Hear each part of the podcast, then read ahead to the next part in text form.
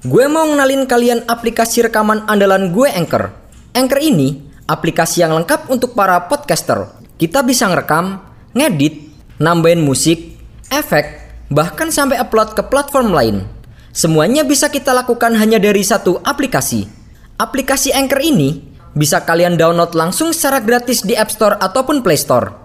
Atau bisa juga download dari websitenya langsung di www.anchor.fm. One app that your podcast need.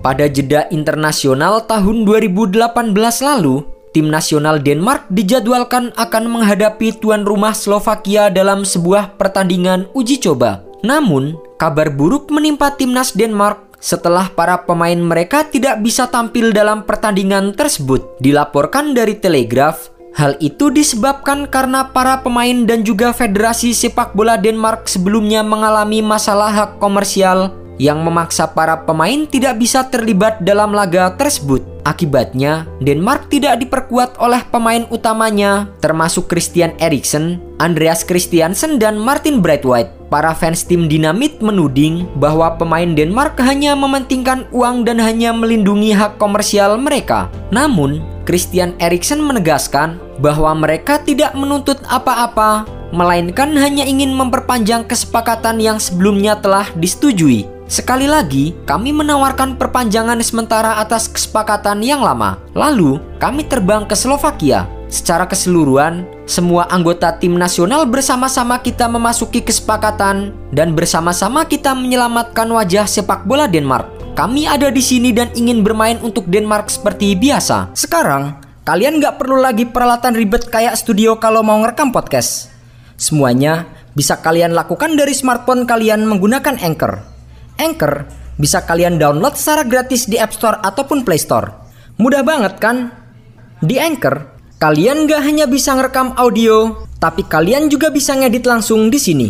Gak sampai di situ, Anchor juga dapat mendistribusikan konten kamu ke platform lain seperti Spotify, Apple Music, dan lain-lain. Keren kan? Satu aplikasi untuk semua kebutuhan. Daripada kalian makin penasaran, mending langsung aja download Anchor sekarang. Oh iya, Anchor ini gratis loh. Kita harus menyelesaikan konflik ini sekarang, bukan hanya menggali lebih jauh. Jadi, kami dengan senang ingin memperpanjang. Mari kita memperpanjang kesepakatan lama untuk sebulan. Dengan tidak diperkuat pemain dari dua divisi teratas sepak bola Denmark dan juga para pemain dari luar negeri, timnas Denmark akhirnya terpaksa menurunkan skuad yang tidak biasa dalam laga melawan Slovakia. Tim nasional Denmark saat itu melibatkan para pemain futsal dan juga mahasiswa dalam laga melawan Slovakia. Di lini depan, ada nama Christian Offenberg yang merupakan seorang pemain tim Divisi 3 Avarta yang berprofesi sebagai salesman paruh waktu. Di posisi bek kanan, ada nama Simon Volsen yang bermain di tingkat kelima sepak bola Denmark dan merupakan seorang mahasiswa. Di posisi gelandang, ada nama paling dikenal sebagai seorang football freestyler sekaligus pemain kasta ketiga Rasmus Johansson. Selain itu, posisi pelatih utama Denmark Edge Herred juga harus digantikan sementara oleh John Jensen. Sedangkan di sisi lawan, tim nasional Slovakia sepertinya tidak ingin bermain-main dan menurunkan seluruh punggawa terbaiknya dalam laga tersebut. Nama mantan pemain belakang Liverpool Martin Skrtel dan mantan playmaker Napoli Marek Hamsik terlihat diturunkan sejak awal pertandingan. Dalam pertandingan itu, tim tuan rumah Slovakia mampu memimpin dua gol lebih dahulu di babak pertama. Di babak kedua, Denmark tidak mampu berbuat banyak dengan penguasaan bola 73 dibanding 27 persen timnas Denmark justru harus kembali kebobolan setelah pemain futsal Adam Fogg melakukan gol bunuh diri pada menit ke-79. Dengan kekalahan 3-0, Denmark hanya mencatatkan satu kali tembakan ke gawang dalam pertandingan tersebut.